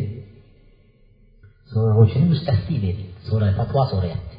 So'ralayotgan odam kim bo'ladi? Muftiy domla olim shunaqa deymizda endi so'ralayotgan odamning odobi nima uchun bizlar shuni aytmoqchimiz unga ham to'xtalishimizning sababi bizda har ikki odam muftiy har ikki odam olim sizmi? Falon narsa mana cho'ntagimda turibdi kitob deydida shunday bir broshurani chiqaradi mana deydi dalil deydi o'qib ko'ring deb oldingizga bir o'zbekcha kitob tashlaydi astag'firulloh hamma muftiy shuning uchun biz hozir shularni odobiga to'xtaymiz so'ralayotgan odamni odobiga birinchisi adamul fatva illa bi ilm. İlm bilan fatvo berishlik olim bo'lsa ilmi bo'lsa butun qur'onni uning sharhini tafsirlarini usullarini hadis hadisning mustalahlarini mustalahil hadis deydi fiqh fiqhning usuli fiqhlarini va barcha ilm va uning qoidalarini o'rganib chiqqan olimdan so'raladi uni bilishi uchun ulamolar aytishganki arab tilini bilish vojib bo'ladi qur'on bilan hadisning mukammal ilmlarini o'rganish uchun degan demak arab tilini mukammal biladigan olim bo'lish bizlarda qiziq arab tilini mutlaq bilmaydigan odamga borib falon domla aytdiyu deydi domla o'zi arab tili bilmasa qur'on arab tilida bo'lsa hadis arab tilida bo'lsa uni qoidalari bari arab tilida yozilgan bo'lsa qanday u olim bo'ladi? Uni qanday biz olim deb e'tiqod qilishimiz mumkin? Demak payg'ambar alayhissalotu vassalom aytdilarki alloh subhanahu va taolo bu ilmni odamlarning ko'kragidan qalbidan sug'urib olib tashlamaydi dedi odamlardan sug'urib olmaydi ilmni lekin يقبض العلماء حتى إذا لم يبقى عالما اتخذ الناس رؤساء جهالا فسألوا فأفتوا بغير علم lekin olimlarni ichidan ilmni alloh taolo ko'tarishning bir yo'li olimlarni oladi deydi olimlar vafot etadi olimlar ketadi odamlar johillardan fatvo so'raydi deydi ilmi yo'q odamlardan so'rayveradi bizni zamonamizda o'n yil yigirma yillik avvalga nazar soladigan bo'lsak ko'z yugurib tursak haqiqatdan ham alloh taolo bizning diyorlardan olimlarni shunday olib tashlagan olimlarni shunday olib tashlagan edi kimlar qoldi? İlmsiz olimlar qoldida odamlar shulardan fatvo so'ray boshlagan edi. Shundan fatvo so'rashadi uni olim deb o'zlari e'tiqod qilishadi. Johil kishilarni bosh qilib ushlashadi undan fatvo so'raydi ular ilmsiz fatvolar beradi ular ilmsiz javoblar beradi o'zi ham adashadi yurtni ham xalqni ham adashtiradi dedi. O'zi ham adashadi xalqni ham adashtiradi deydi shuning uchun ehtiyot bo'lish kerak faqat ilmli odamdan so'rash kerak borib so'rashdan oldin. O'tirib bugun mana shu masala. Men shuni kimdan so'rasam bo'ladi deb o'ylanish kerak keyin shu ilmli odamni oldiga borib so'raydi. Inson qanchalik olim bo'lmasin deydi qanchalik olim bo'lmasin lekin hamma narsani qamrab olishi mumkin emas deydi.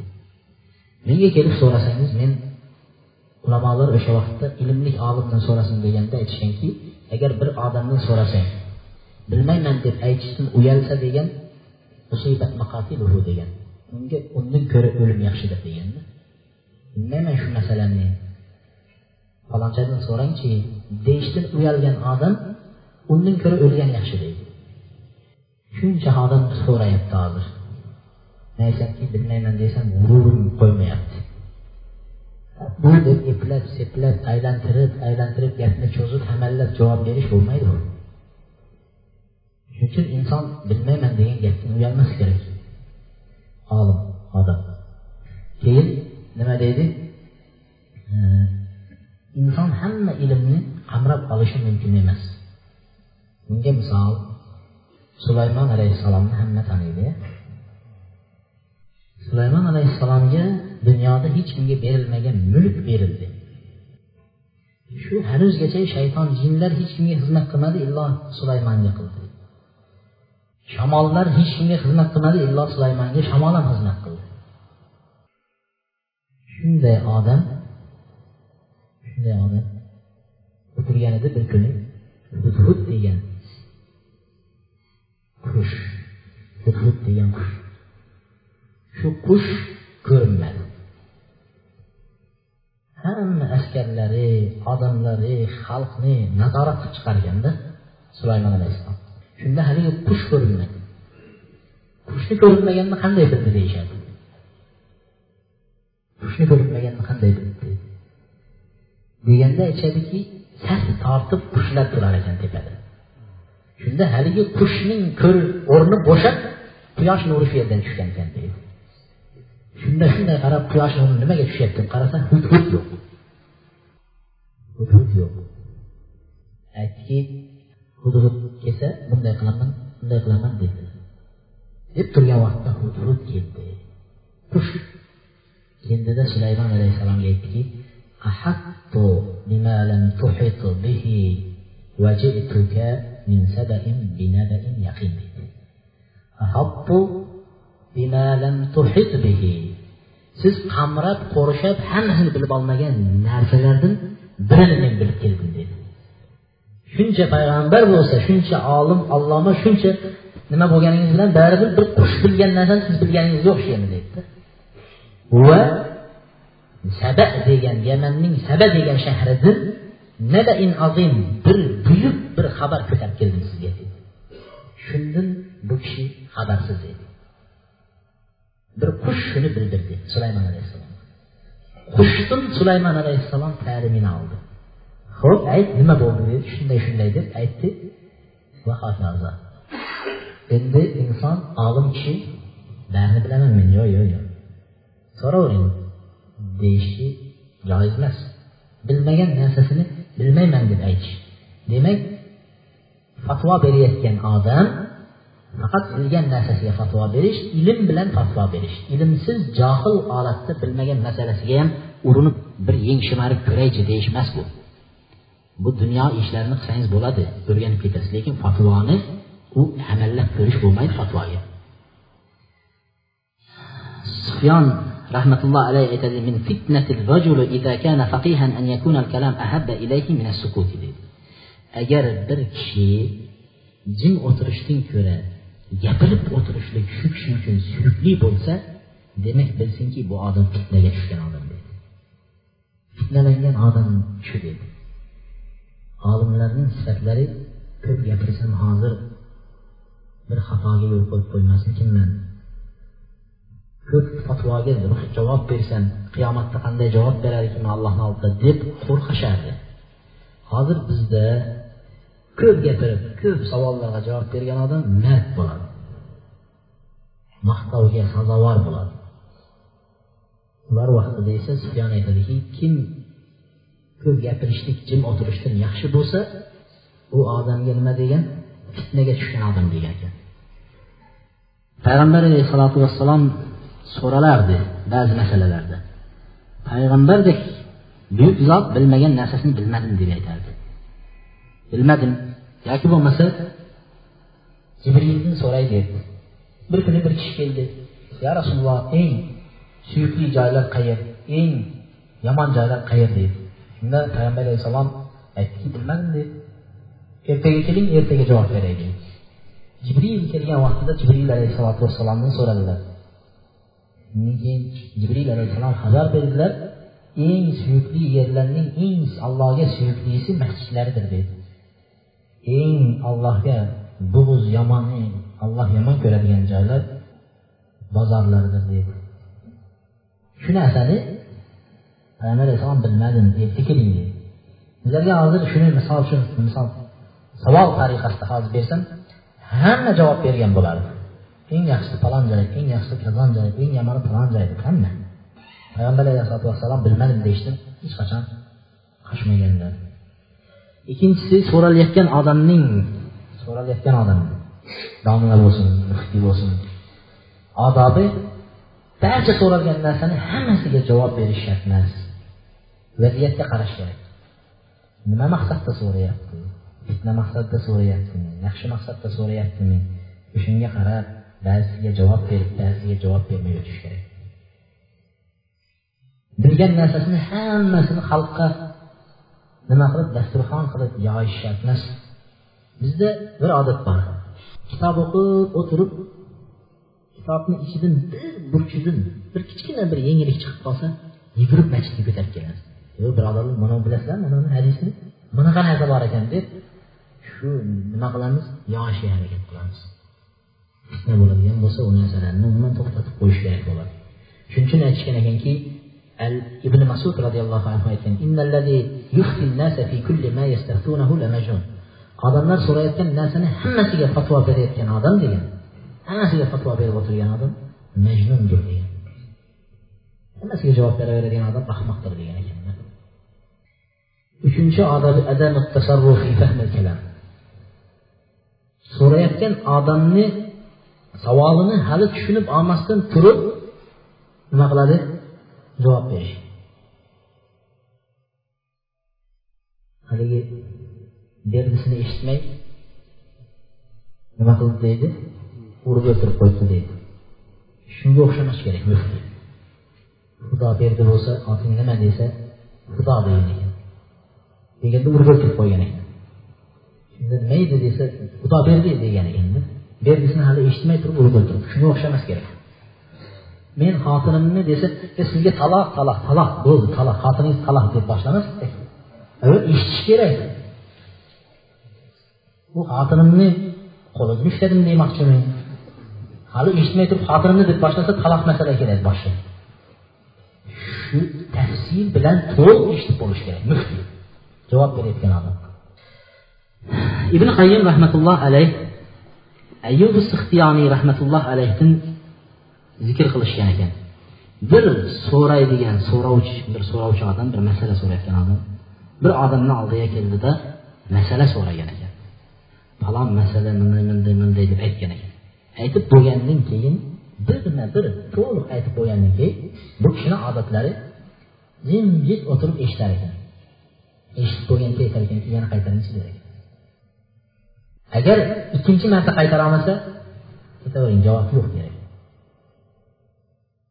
avvalni savolni berganda shunday berib bo'lgandan keyin ikkinchi marta xuddi shunday o'zgartirmay ayta bilsa javob berar ekan. O'zgartirmay aytolmasa javob bermas ekan. Buni ma'nosi aytar ekanki siz so'rayotgan narsangizni to'g'irlab gapirolmayapsiz hozir men javob bersam hamma yoqni rasvo qilasiz degan ekan. Ayga chiqib men so'rab keldim hozir hozir mana ma'murjonni so'rab keldim bo'laveradi deb aytdi deydi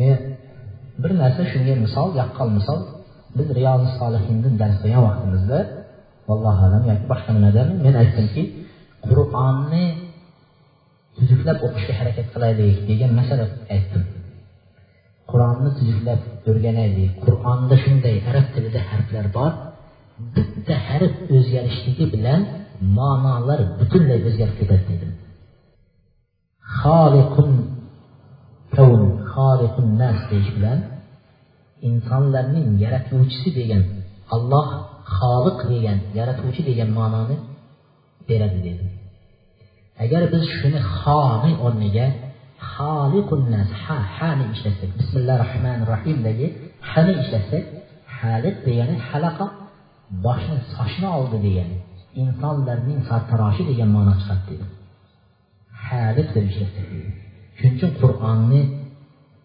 o'qiyotgan birodarlar shuni yaxshilab o'rganaylik bu kufr kalimasiga olib ketib qoladi agar shunday deb qo'ysak dedi deganidan ba'zilar shuni tushunmay turib ma'murjon qur'on o'qigan odam kofir deyapti qur'on o'qigan odam kofir deyapti nima degan gap bu shuning uchun haligi odam to'g'ri qiladi berayotgan savolini eplab berolmayotgan odam sizdan eshitgan javobni rasvosini chiqarib olib borib yetkazadi hozir mana javob olib keldim deydida shuning uchun qaytartirar ekan aytchi yana savolingni der ekan yana to'g'irlab shunday ayta bilsa keyin javob berar ekan to'rtinchisi التفصيل في الجواب على الفتوى javob berayotgan odam bo'g'in bo'g'in qilib tafsil tafsil bilan har birini alohida alohida javob berish kerak biri bog'dan biri tog'dan kelmas kerak har birini bo'g'in bo'g'in bo'lib bo'lib javob berish kerak misoli payg'ambar sollallohu alayhi vasallam ehrom kiyib hajda ehrom kiygan kishi haqida so'raldi hajga borganda odam ehromga kiradi ya'ni erkaklar o'z kiyimlarini yechib yechib butun hamma kiyimlaridan yalang'ochlanib oppoq kafanga o'xshab o'raladi allohni huzuriga o'zini tayyorlaydi. Ayollar uni qilmaydi. Bizda ba'zi domlalardan so'rashsa jaholatni qarang. Ehrom kiyadimi desa ba'zi domlalar ha ayollar ham oppoq shu ehrom kiyadi debdi. Hamma narsasini yechib tashlab shu ehrom o'rab yuradi debdi shunaqa fatvo beradi shuni so'raldi payg'ambar alayhissalomdan ehromda nimalarni kiyadi deydi qanday kiyadi deganlarida payg'ambar alayhissalom nimani kiysa bo'ladi nimani kiysa ehrom vaqtida bo'lmaydi deb so'rashdi so'ragan vaqtda payg'ambar alayhissalom aytdiki qamis payg'ambar alayhissalom hamma narsani yechib oldi ko'ylak oppoqligini kiyib bo'ldi demadida toza toza tushuntiryapti ko'ylak kiymaysan salla kiymaysan shim ishton kiymaysan kiyim kiymaysan burni silmaysan burni degan arablarni orqasidan boshiga chiqaradigan kiyimga tikilgan nima? Bizda ham hozir kurtkalarda bor. Shunaqa narsa kiymaysan. Ko'ylak kiymaysan dedilar. Kiyimlarni bir qator sanlab keyin aytdiki ehromda turganingda xushbo'y narsalar sepmaysan zafaron tepmaysan. Oyoq kiyimingga esa kiyiming keldi xushbo'y narsadan keldi oyoqqa tushdi. Oyoq kiyimingda to'pig'ingdan yuqori narsa kiymaysan deb birma bir javob berdi. Payg'ambar alayhissalom birma bir hammasini yechib yubordi bitta ko'ylakni bir uzun oq narsa o'rab ketaver demadida tushunmasi mumkin. Shuning uchun savolga javob berayotgan odam tafsil tafsil bilan bo'g'in bo'g'ini bilan javob berish kerak. Beshinchi odobi al ijaba alal fatvo bima yafhamuhu al mustafti fatvo berayotgan odam shu so'ragan odam tushunadigan holatda javob berishligi tushunmaydigan narsalarni aytmay qo'ya qolish kerak. Tushuna biladigan ko'tara biladigan xalq ko'tara biladigan narsalar bilan fatvo berish kerak. Xalq ko'tara olmaydigan narsalar bilan fatvo berishga ham bo'lmaydi. Misol uchun payg'ambar alayhisalotu vassalom oysha onamizga aytdi kabatullohni bilasizda yonida hijr degan joyi bor kichkina bir quv odamni mana shu ko'krak bo'yi keladigan bir fundamentning o'rni turibdi. Shu yer hijr deyiladi. Aslida o'sha joydan bo'lgan kaba. Sen kelib kaba qulaydigan vaqtida jaholat vaqti islomdan avval mushriklar halol pullarimizni yig'ib dedi kaba qulab tushmasdan biz shuni dedi turg'izaylik dedi tiklaylik dedi. Halol pullarini yig'ib qarasa butunlay haligi hamma joyiga yetmayapti. Shundan keyin aytdiki yarmidan boshlab ko'tarib ketaveramiz deb yarmidan boshlab ko'tarib ketgan kaba bu yoqda ochiq joy qolgan. Hijr deydi o'sha ochiq joy qolgan. Payg'ambar alayhissalom bir kuni o'tirib oysha onamizga aytdiki oysha deydi. Agar mening qavmim islomga yaqinda kirgan bo'lmaganida dedi endi yaqinda kirib turibdi. Shuni kirgan bo'lmaganida men kabani buzib dedi o'sha eski avvalgi fundamentdan boshlab yana ko'targan bo'lardim deydi lekin xalq uni ko'tara olmaydi aqliga sig'maydi.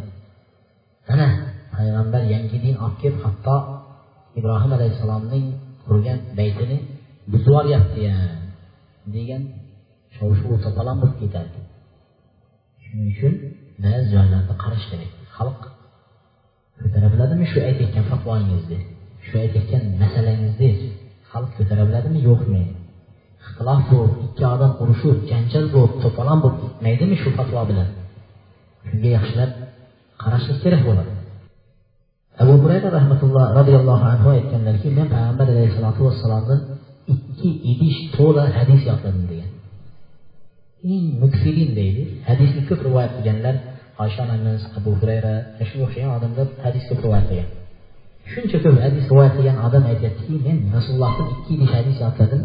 Shuni bir idishini og'zini ochdim deydi. Shuncha ko'p rivoyat qilgan hadisi bir idish ekan. Ikkinchi idishini og'zini ochganim ham yo'q deganda. Agar uni og'zini ochsam mana bu xalqim kesilib ketishdan qo'rqdim deganda.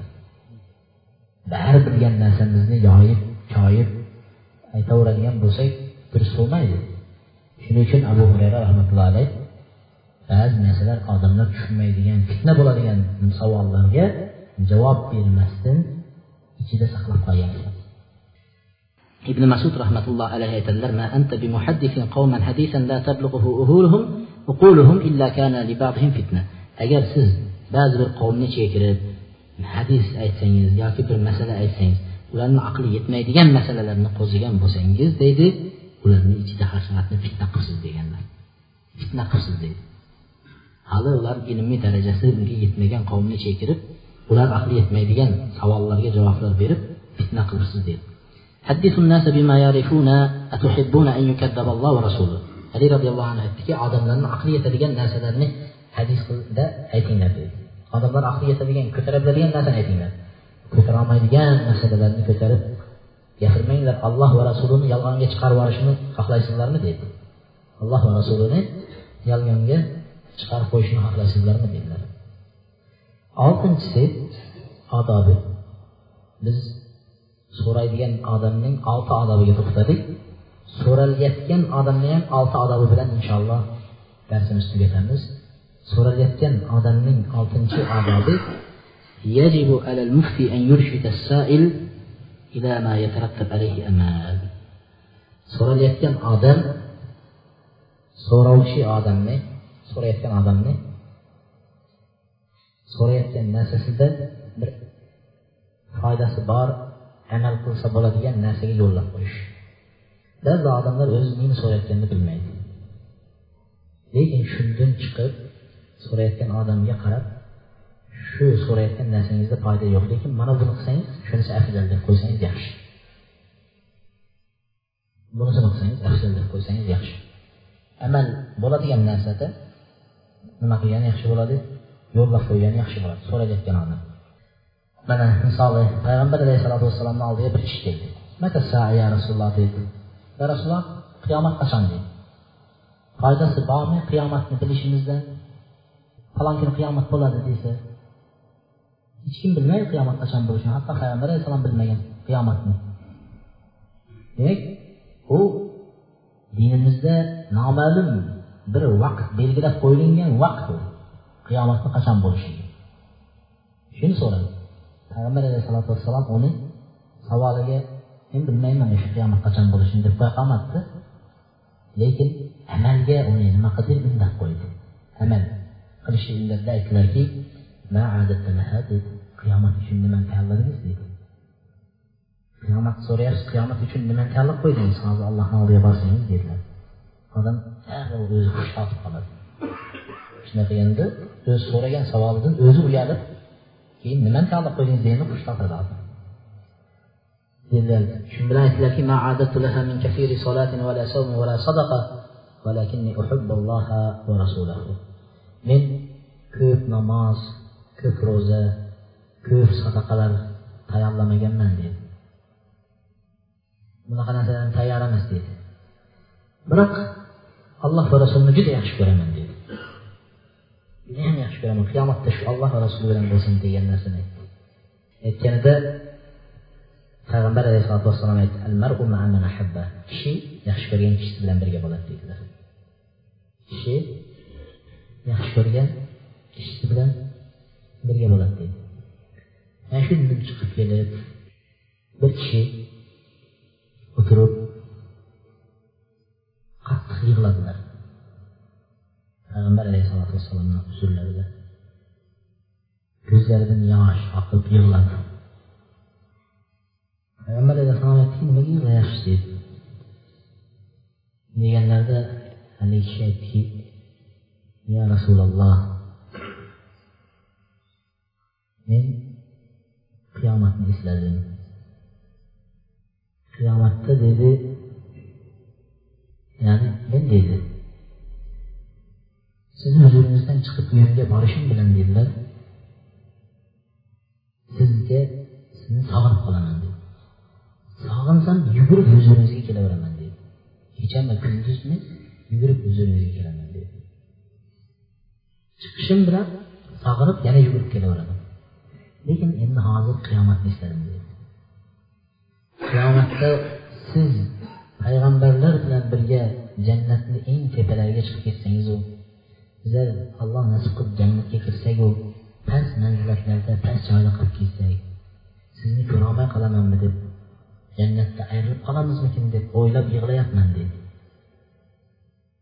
shuni o'ylab yig'layapman dedi shunda payg'ambar alayhisalotu vassalom bir oyatni o'qidilar.